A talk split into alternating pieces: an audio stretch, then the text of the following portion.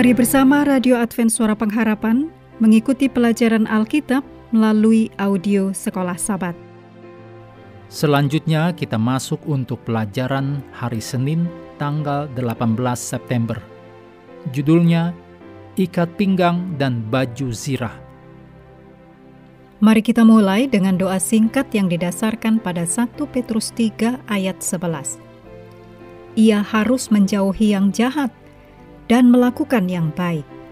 Ia harus mencari perdamaian dan berusaha mendapatkannya. Amin.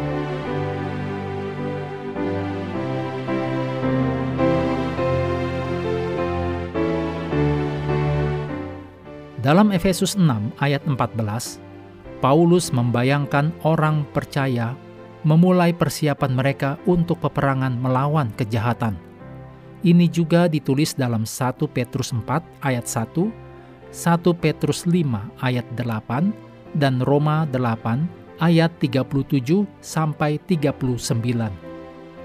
Peringatan Paulus tentang peperangan yang sengit yang ditulis dalam Efesus 6 ayat 13 mempersiapkan pembaca terhadap panggilan terakhirnya untuk berdiri keempat kalinya.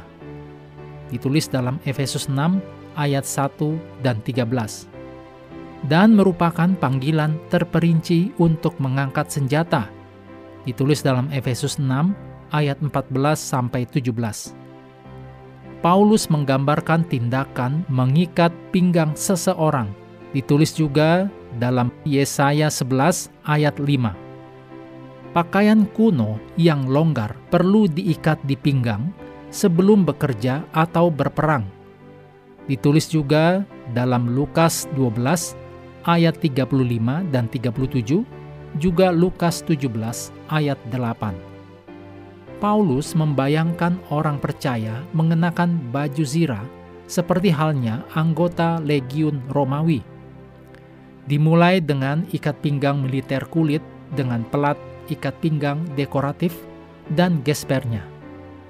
Dari ikat pinggang, tergantung sejumlah tali kulit yang ditutupi dengan cakram logam, bersama-sama membentuk celemek yang dikenakan sebagai lencana pangkat yang dapat dilihat.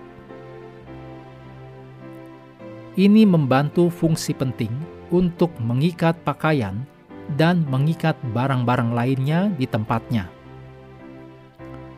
Kebenaran bukanlah milik orang percaya, itu adalah karunia Allah. Demikian ditulis dalam Efesus 2 ayat 8.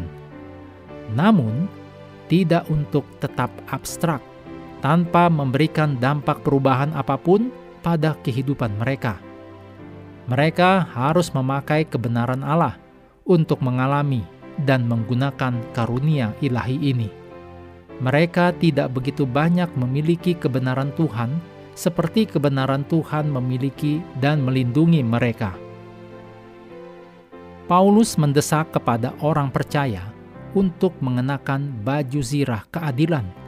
Ditulis dalam 1 Tesalonika 5 ayat 8. Seperti ikat pinggang kebenaran, itu berasal dari ilahi, menjadi bagian dari baju zirah Yahweh dalam perannya sebagai pejuang ilahi. Demikian ditulis dalam Yesaya 59 ayat 17. Pelindung tubuh yang digunakan oleh tentara pada zaman Paulus terbuat dari besi, di mana cincin besi kecil yang saling terkait. Baju besi bersisik, bentuknya kecil, sisik perunggu atau besi yang tumpang tindih atau rantai besi yang tumpang tindih yang diikat bersama. Pelindung tubuh atau baju sirah ini melindungi organ-organ vital dari pukulan dan dorongan musuh.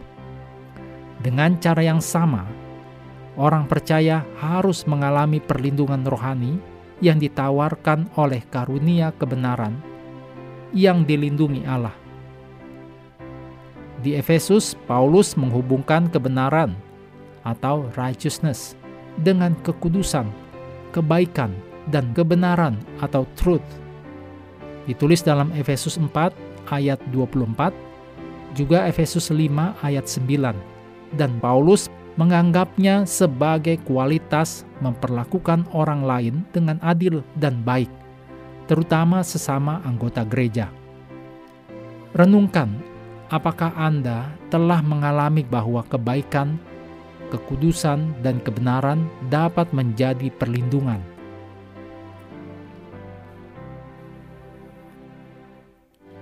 Mengakhiri pelajaran hari ini, mari kembali ke ayat hafalan Efesus 6 ayat 16 dan 17. Dalam segala keadaan, pergunakanlah perisai iman, sebab dengan perisai itu kamu akan dapat memadamkan semua panah api dari si jahat, dan terimalah ketopong keselamatan dan pedang roh, yaitu firman Allah. Kami terus mendorong Anda bersekutu dengan Tuhan setiap hari melalui renungan harian, pelajaran Alkitab Sekolah Sabat, bacaan Alkitab sedunia, percayalah kepada nabi-nabinya, yang untuk hari ini melanjutkan dari Mazmur pasal 135. Tuhan memberkati kita semua.